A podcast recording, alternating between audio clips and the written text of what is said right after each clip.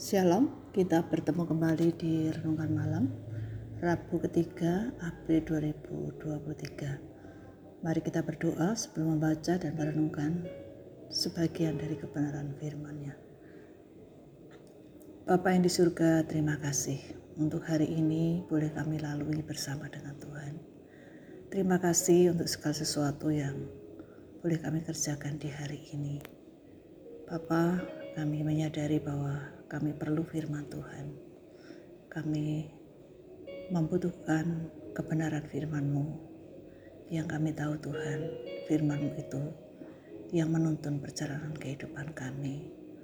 Firman-Mu itu yang memampukan kami untuk dapat terus berpengharapan hanya kepada Tuhan. Berbicaralah ya Tuhan, kami siap untuk mendengar. Dalam nama Tuhan Yesus kami berdoa. Amin. Mari kita membaca dan memperhatikan dari Injil Yohanes pasal 8 ayat 19 dan 20. Demikian firman Tuhan. Maka kata mereka kepadanya, di manakah Bapamu? Jawab Yesus, baik aku maupun Bapakku tidak kamu kenal. Jikalau sekiranya kamu mengenal aku, kamu mengenal juga Bapakku. Kata-kata itu dikatakan Yesus dekat perbendaharaan waktu ia mengajar di dalam bait Allah dan tidak seorang pun yang menangkap dia karena saatnya belum tiba.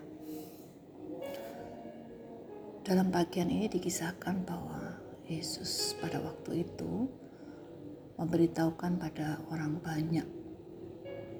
Dia bersaksi tentang siapa dirinya dan Bapa yang mengutus dia juga bersaksi tentang dia, tentang Yesus Mendengar kesaksian Yesus, orang banyak mereka itu bertanya, "Di manakah Bapamu?" Yesus berbicara tentang Allah Bapa, namun mereka memahami sebagai manusia biasa. Sehingga mereka minta supaya Yesus menunjukkan di manakah Bapamu.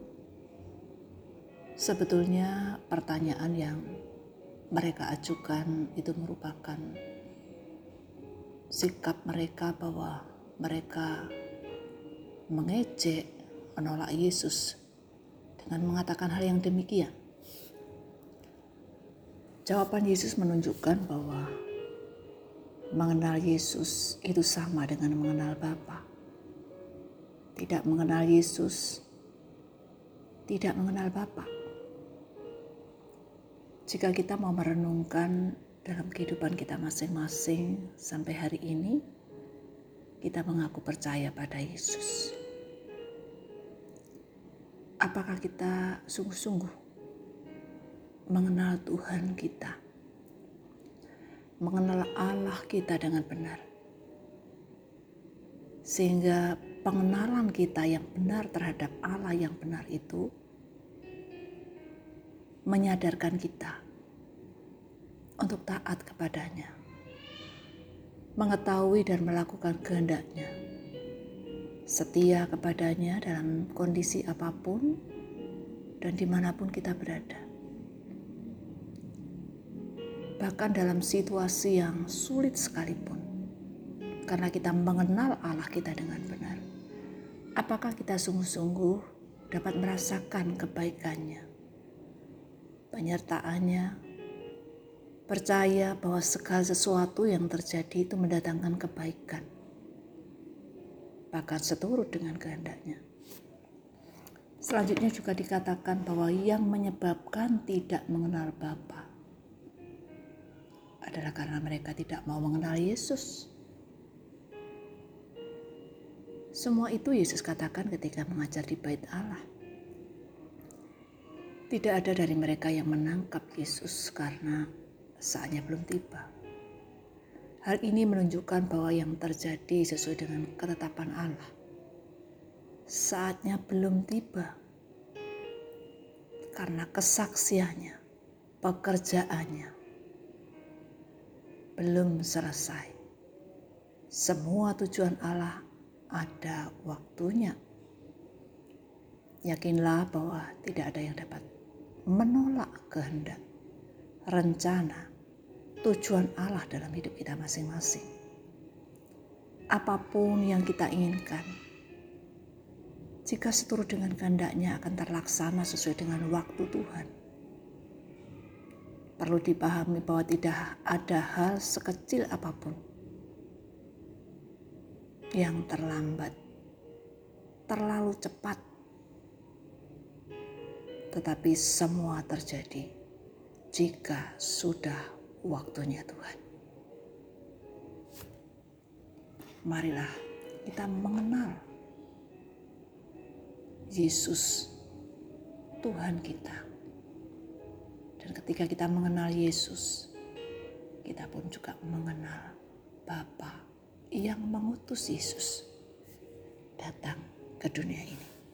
Kita berdoa.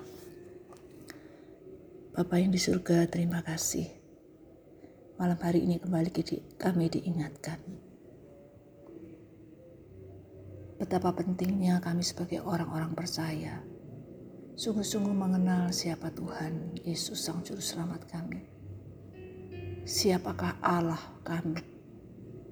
Sehingga ketika kami diperhadapkan dengan kenyataan hidup ini, iman kami tetap dikuatkan oleh Tuhan. Kami tetap bersandar kepada Tuhan. Tuhan juga memampukan kami untuk memahami dengan benar bahwa segala sesuatu ada dalam ketetapan dan pengaturan Tuhan yang sempurna.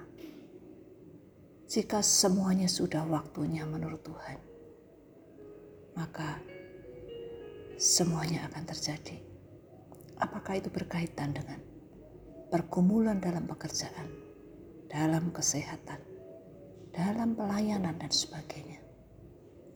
Tuhan pimpinlah kehidupan kami masing-masing. Berikan kami kerendahan hati, pribadi yang mau dibentuk oleh Tuhan, seturut dengan maunya Tuhan. Dalam nama Tuhan Yesus kami berdoa. Amin. Bapak Ibu sekalian, selamat malam, selamat beristirahat. Tuhan Yesus memberkati.